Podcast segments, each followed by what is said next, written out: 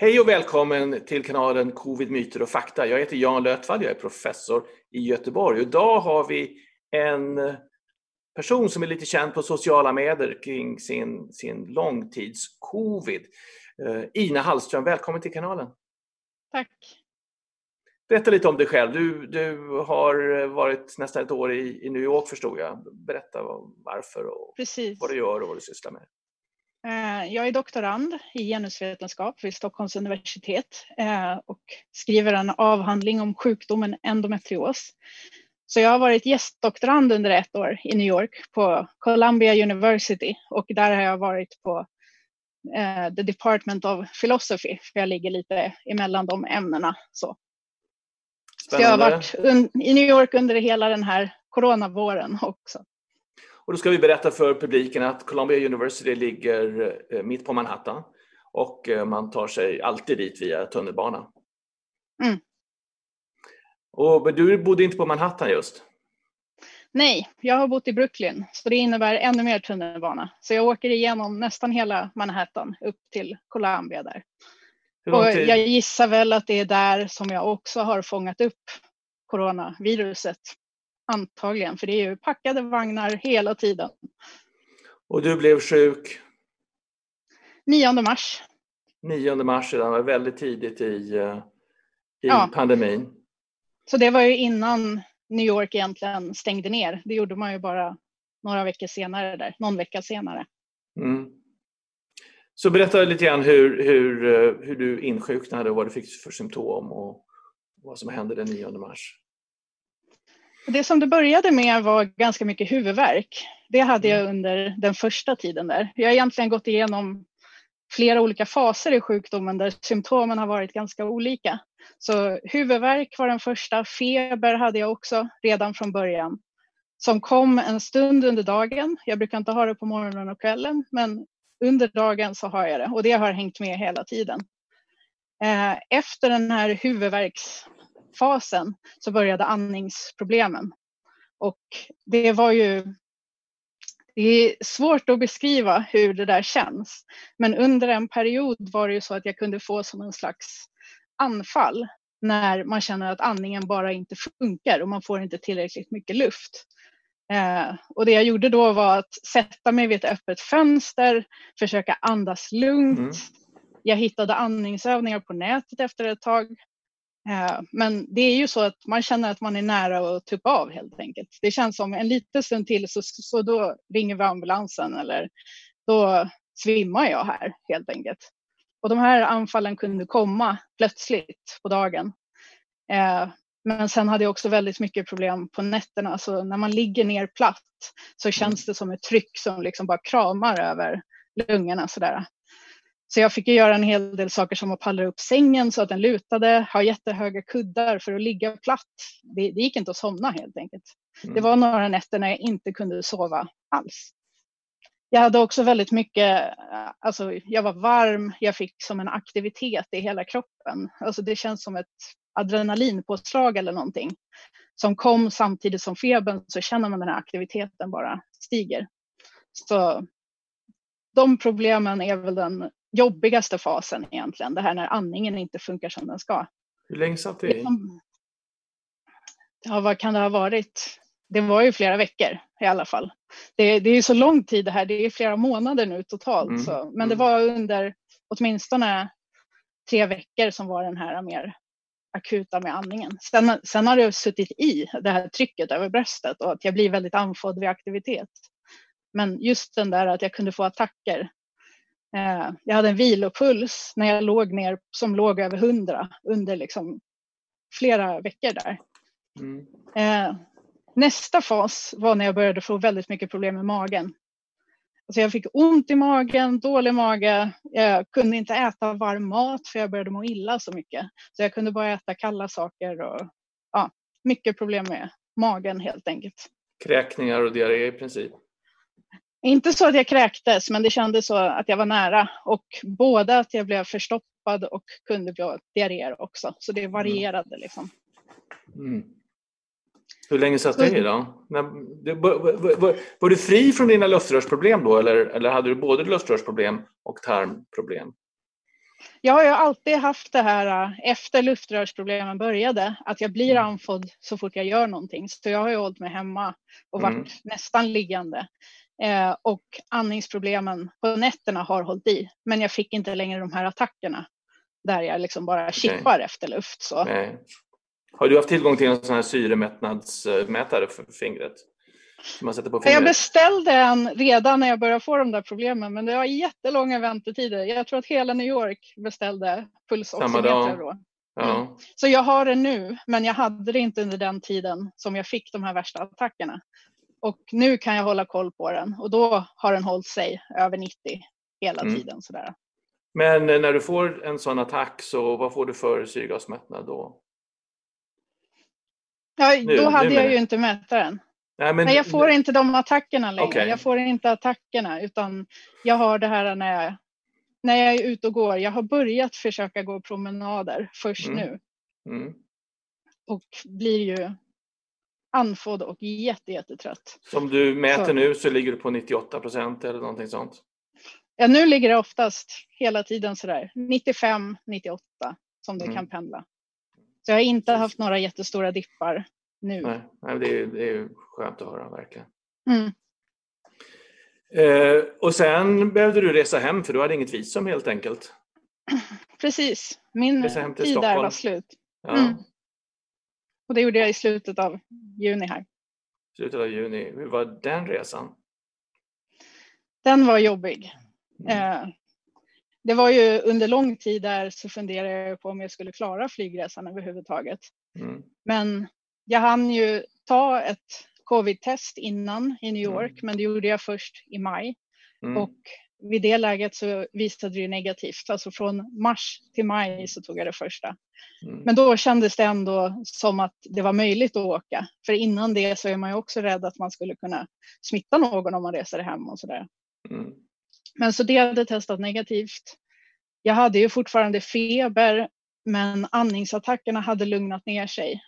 Så jag körde ändå och tänkte att jag hoppas att jag pallar den här Mm. resan helt enkelt. Jag Mm. hoppas att jag orkar. Och det var ju taxi både till flygplatsen och hem för att det skulle vara så lite som möjligt Mm. att röra sig.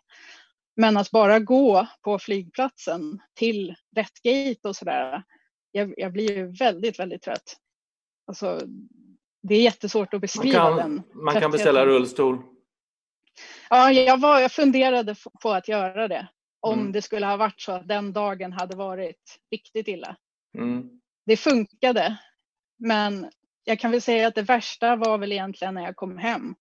För att de två, tre dagarna efter det var jag Var ju helt däckad. Jag Mm. kunde inte göra någonting. Alltså det är som ett ständigt illamående i kroppen och man måste nästan ligga ner i ett mörkt rum och ja, det är en trötthet som känns som det inte går att återhämta sig ifrån. Men det tog några dagar och sen är det ändå lite bättre. Men det var väldigt tufft den resan. Berätta lite om hur, hur eh, du interagerar med sjukvården i, i New York. Jag förstod att man fick egentligen inte gå till akutmottagningen om man inte var riktigt akut sjuk i början. Berätta lite. Ja, eh, det var ju en väldigt hög belastning på sjukhusen där. Alltså det var ju väldigt många fall som kom samtidigt. Det, ja, jag, jag vet inte om man kan säga att den kraschade som i Italien, men det var extremt hög belastning. Så all rådgivning, jag hade först kontakt via läkare i en sån här videoapp och instruktionerna var ju att stanna hemma om det inte är så att det blir akut. Blir det akut, då åker du in. Men annars är det bästa i det här läget att stanna hemma. Mm. De- du, du, du var inne akut ett par gånger. Ja, det var jag. vad hade hänt då? Berätta. Ja, I första läget så var det ju det här att trycket över bröstet vart så pass starkt. Mm. Jag hade haft en sån här andningsattack och trycket sitter bara kvar helt enkelt. Man, man börjar ju bli orolig att det är någonting som händer Mm. där inne. Alltså kan det vara proppar eller sådär. Mm. Eh, Så då åkte jag in, de kollade allting, EKG, eh, jag gjorde en sån här vanlig röntgen av lungorna och så och allting sånt såg bra ut.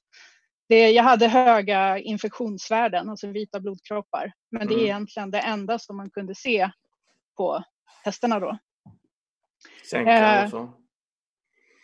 Ja, det var nog ingenting särskilt. Det var Mm. nog ingen, eller, eller så är det att allting på engelska, det, de begreppen är lite svåra att känna till för mig. Men Mm. det de sa var vita blodkropparna och infektioner var det som stack ut. Mm. Och jag fick ju också en kur av antibiotika, steroider och så fick jag också en sån här astmainhalator för att hjälpa till med andningen helt enkelt. Mm. Och den körde jag ju efter det. eh, Hjälpte över den en på något sätt? Tid. Det kändes som det hjälpte. Så Och, det var eh, första trippen till akuten Ja. helt enkelt. Och andra gången så var det för att jag hade så mycket problem med magen. Alltså, och jag, det tryckte på blåsan hela tiden så jag behövde gå hela tiden. Mm. Eh, och jag hade också blivit förstoppad i samband med att jag inte kunde äta så kunde Mm. jag inte heller tömma tarmen helt enkelt. Eh, så då åkte jag in med det. Och det man konstaterade då var att jag hade fått ett framfall. Ett livmodersframfall helt enkelt. Mm. Som de inte kunde säga egentligen hur kopplingen ser ut. Det, det borde inte kunna vara så att corona gör det. Men däremot att magen hade blivit så dålig och att jag hade varit sängliggande så länge helt enkelt. Så det hände mycket konstiga saker med kroppen under den här tiden. Där det är svårt att säga, är det coronan som har orsakat det eller är det liksom omständigheterna runt omkring? Och, och första besök, du blev sjuk i början på mars. Det första besöket till sjukvården var fortfarande i mars? I maj. Eller? I maj? Nej. Först? Nej, innan det hade jag videokontakt. Okej. Men det första fysiska besöket var i Var maj maj. när ingenting gav sig helt enkelt. Nej, du hade fortfarande andningsattacker då i två månader senare? Ja, de började Trycker inte bröstet. på en gång i mars, men under april och Okej. maj, absolut.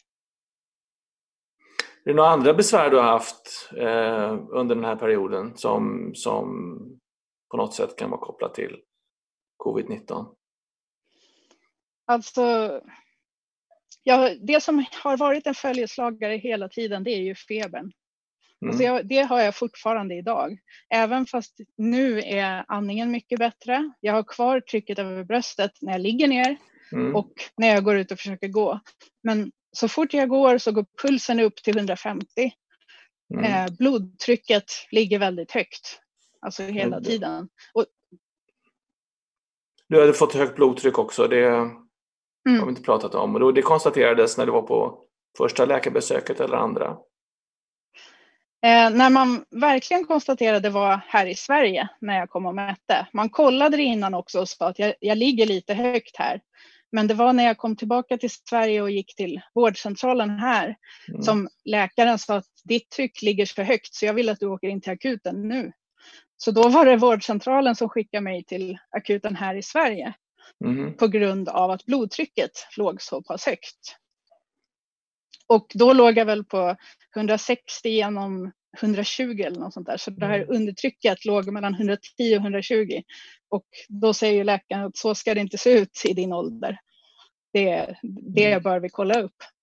Så då blev den vända till akuten här i Sverige när jag hade kommit hem. Så Mm. jag åkte in till Södersjukhuset. Eh, de ville ju kolla lungemboli då, just eftersom jag hade den här historiken och att det kunde ge högt blodtryck. Och då gjorde jag en kontraströntgen av lungorna och sådär. Men då, det visade inga proppar eller så, så det är inte Mm. lungorna som är problemet. Eh, däremot så pratar de om att det kan vara sköldkörteln som har Mm. börjat producera någonting. Och det som man hittat nu när jag har tagit blodprover och testat, det är att aldosterinkvoten ligger för högt. Så nu pratar de om att det kan vara aldostron på något vis som har börjat överproduceras. Som är, Och då ska vi för- av- Förklara för publiken att det är ett hormon som, från djuren som kan, eh, njur, eh, som kan styra blodtrycket. Precis. Så man vet inte varför men binjurarna av någon anledning verkar Mm. producera för mycket helt enkelt. Så det har jag blivit remitterad till endokrinologen och ska kolla upp det nu helt enkelt. Mm. Så det kan vara förklaringen helt enkelt. Jag har också alldeles för höga levervärden. Det såg de också. Och det är inte Mm. heller något som jag haft innan. Så ja, som sagt, det verkar påverka kroppen på konstiga sätt det här som är svåra Precis. att veta hur och varför helt mm. enkelt. Men blodtrycket det ligger fortfarande högt och feber har jag fortfarande. Det har jag haft sedan i mars helt enkelt. Hur mycket feber har du nu? Det, det går inte upp särskilt högt men jag ligger mellan 37,5 och 38 just mm. nu. Jag hade över 38 tidigare men nu ligger det på den nivån som man kanske kallar subfebrilitet eller sådär. Så det är en mm. låggradig feber men jag har det varje dag helt enkelt. Inte hela dagarna. Högsta feber när du var sjuk? Ja, när jag var hemma så hade jag ingen mätare från början. Men mm. någon gång när jag var inne så var det väl så här 38 och 5. Alltså det är mm. inte, inte hysteriskt högt då heller. Mm. Men någonstans där. Berätta lite grann hur, hur interaktionen med sjukvården var i, i USA.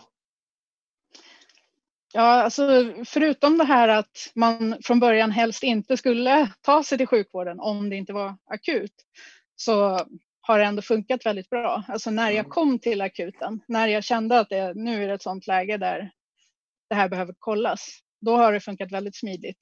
Alltså, de två besökarna jag var där kanske fyra, fem timmar som högst och de gjorde igenom liksom vanlig lungröntgen. De gjorde också ett ultraljud på hjärtat. De gjorde en massa olika koller sådär. Och ja, det gick snabbt, smidigt, men som de sa att de sa nästan att vi är ledsna, att vi inte kan hjälpa dig, förutom det här med antibiotika och de sakerna. Mm. Men kom tillbaka om det blir värre igen. Kan göra. Nej, det, vi vet ju inte riktigt hur man ska ta hand om den här sjukdomen i, i akuta läget. Så att, eh, Nej. Det, det, är svårt, inte det kroniska läget heller, så att eh, mycket, vi har mycket, mycket att lära oss alltså, som, mm.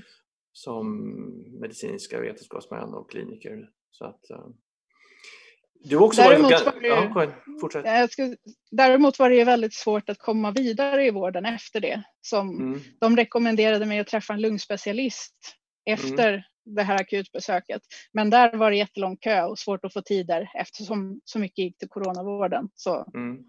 ja. Akutbesöken funkar jättefint men svårt att få det här med uppföljning och ja, rota vidare i det. Jag har läst att sjukvården har haft ganska tufft i USA ekonomiskt eftersom mycket vad vi kallar elektivt, det vill säga planerad sjukvård, mm. eh, har fått skjutas på på grund av mm. detta mm. för att minska smittspridning till exempel. Eh, och, och, Har du någon läkare som följer upp det nu? Du går till olika läkare här i Sverige, du har en vårdcentral. Vem, vem tar hand om dig nu? Jag har ju en läkare hos vårdcentralen, men det är inte min vanliga husläkare, för det är ju mm. semestertider mm. nu när jag kom hem precis. Så det, det, är en läkare jag har träffat ett par gånger på vårdcentralen, men inte den som kommer vara min kontinuerliga kontakt egentligen mm. heller. Så, så han ser ju till att jag blir remitterad och tar de här proverna. Mm. Men ja, det finns ju inte så jättemycket plan egentligen om vad som händer sen. För att det här med trycket över bröstet och andningen, mm. det hänger ju inte samman med aldosteronet troligtvis. Så det verkar som de har lite svårt att hantera det här att det påverkar flera olika saker i kroppen. Alltså att man kan följa ett spår och reda ut det. Men mm. de andra symptomen, vad gör man med det? Det är väldigt svårt att veta just nu. Precis, det är en, det är en, en sjukdom vi inte sett förut. Vi vet inte riktigt hur vi ska Nej. ta hand om den som, som läkare. Nej. Så jag känner att jag skulle ju säkert också behöva någon form av rehabilitering egentligen för mm. ja, det som jag har varit ute, det är, jag har varit ute tre gånger på promenader och då handlar det mm. om tio minuter mm. promenader. Liksom. Det, jag har fortfarande inte varit mer aktiv än så egentligen. Och jag blir väldigt andfådd och väldigt trött efter tio minuter i lugn promenad helt enkelt. Så jag är mm, långt ifrån återställd. Absolut. Och så undrar man ju också det här med febern, kommer den någonsin ge sig? Eller kommer den fortsätta vara där? Det är ingen som vet det heller. Det är ingen som har kunnat ge några svar på, försvinner den? Vi hoppas Eller, det. Ja. Ja. Vi, vi har verkligen det hoppas det. Och, eh, mm. och, vi tror det också. Men, eh, men som sagt vi vet ju inte allt ännu. Så att, eh, du har också varit väldigt eh, aktiv eh, på sociala medier och kommenterat svenska strategin och sådana saker. Vill du kommentera mm. det i det här samtalet också. Vad tycker du om, om, om det?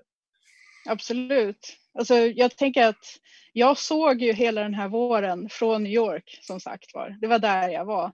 Och då ser man att det kommer ett sånt här jättestort utbrott med hur mycket folk som helst som åker till sjukhus, som avlider, de dagliga rapporteringarna. Så det är lite som att man upplevde ett Italien efter Italien kan man säga. Mm. Och samtidigt så följer man medierna i Sverige då, för jag kollade ju på presskonferenserna från Folkhälsomyndigheten också på nätet. Jag hade inte så mycket mm. annat att göra när man är liggande hemma. Och det känns som två helt olika världar. Alltså man, man ser i New York på plats så många som dör och att man stänger ner hela staden för det här. Det var ju i mars man gjorde det också. Alltså, det var inte utegångsförbud, men det var ju så att man stängde alla verksamheter helt enkelt. Det var vanliga mataffärer fick vara öppna, apotek, restauranger fick vara öppna för hemleverans. Men resten stänger ner. Man tar det på jättestort allvar och man pratar hela tiden om att det här, vi måste försöka stoppa det. Och vi kan inte, de här höga dödstalen, vi får aldrig vänja oss vid det. var någonting, ett sånt där mantra som man hela tiden pratar om. Det är jättestora tal, men det är människor bakom de siffrorna. Och så ser man de här presskonferenserna i Sverige där det känns som att man fortfarande ser det lite grann som en influensa eller ja, man vill inte införa några större åtgärder. Man vill göra saker först när det behövs, inte införa några större åtgärder på riktigt som ja, begränsningar av hur många som får träffas eller stänga ner verksamheter av olika slag. Och det var, det var väldigt märkligt att se det här. Alltså när man vet hur det kan gå och tänker att det är där Sverige kommer hamna på något vis. Och så steg dödstalen i Sverige och det fortsatte så hela våren. Så det var väldigt, väldigt frustrerande att tänka att det här händer på flera platser. Det händer i Italien, det händer i New York och ändå känns det som att man inte tar det på allvar i Sverige. Så ja, jag, jag lyssnar på heter han Chris Cuomo, Cuomo va? som är guvernör i, i Ja, Chris uh, är brorsan. Chris är brorsan, jag blandar ihop dem. Vad heter han då? Andrew Cuomo. And, ja. Andrew Cuomo ja. som är guvernör mm. i uh, Chris är på CNN. Mm, precis. Uh, Andrew Cuomo, Cuomo och hans, hans, hans tal till staten var ju mm. ja, väldigt uppskattade mm. och där han sa just de här Precis. sakerna som du, eh, mm. som du nämnde. Vi får inte vänja oss vid de här dödstalen. Vi ska krossa det här viruset. Och ja. sen införde man munskydd. Hur lång, hur lång tid tog det innan man införde munskydd i New York? Ja, nu var ju jag hemma under största delen av tiden under våren där. Eh, men i maj hade man det definitivt. Jag kommer inte ihåg exakt datumet mm. där. Men det, det infördes ju som en självklarhet bara. Nu ska vi göra det här. Mm. Nu inför vi munskydd så fort du går ute eller är i butiker eller liknande. Så det var ett väldigt tydligt beslut att så gör vi här. Mm. Och Como, återigen, han ledde alla dagens presskonferenser. Eh, han promotade ju det hela tiden, la upp bilder på sociala medier där han själv har munskydd och säger bara att det är så vi ska göra i staten nu. Mm. Och sen gick jag ju till läkarbesök och liknande och jag bodde i Brooklyn eh, och det var ju så att alla hade munskydd på sig. Alltså även utomhus mm. så hade man det på sig. Och i mataffärer och liknande så skulle du inte komma in om du inte hade det. Så det var ju absolut krav om du går inomhus. Man hade också sådana åtgärder som att för många personer får inte gå in i en butik samtidigt utan då får man stå och köa utanför. Det kunde vara snitslade banor i butiken så att man bara går i en riktning och sådär. Så man gjorde väldigt mycket sådana åtgärder i stadsrummet också. Eh, jag vet att i någon park så har de gått och delat ut gratis munskydd ifall folk inte hade det och sådär. Men det, det spred sig väldigt snabbt och det känns som att folk verkligen följde det också. Och det och blev sådär att, ja precis det kändes inte som en grej till slut. Det kändes bara helt självklart att det, det är så man gör det helt enkelt. Så, så det var ju också för, väldigt märkligt när man då ja, kom, kommer till Sverige. Precis. På flygplatsen, alla har munskydd. På flygplanet, jag bytte i Köpenhamn. Där hade mm. också alla munskydd på flygplatsen. Och så kommer jag in på Arlanda och nästan alla tar av sig dem och går ut i staden och reser in till olika delar av Sverige. Då. Jag tog en taxi och tänker taxichaufförer är ju några av de som har drabbats allra hårdast av alla de här som kommer inresande och så.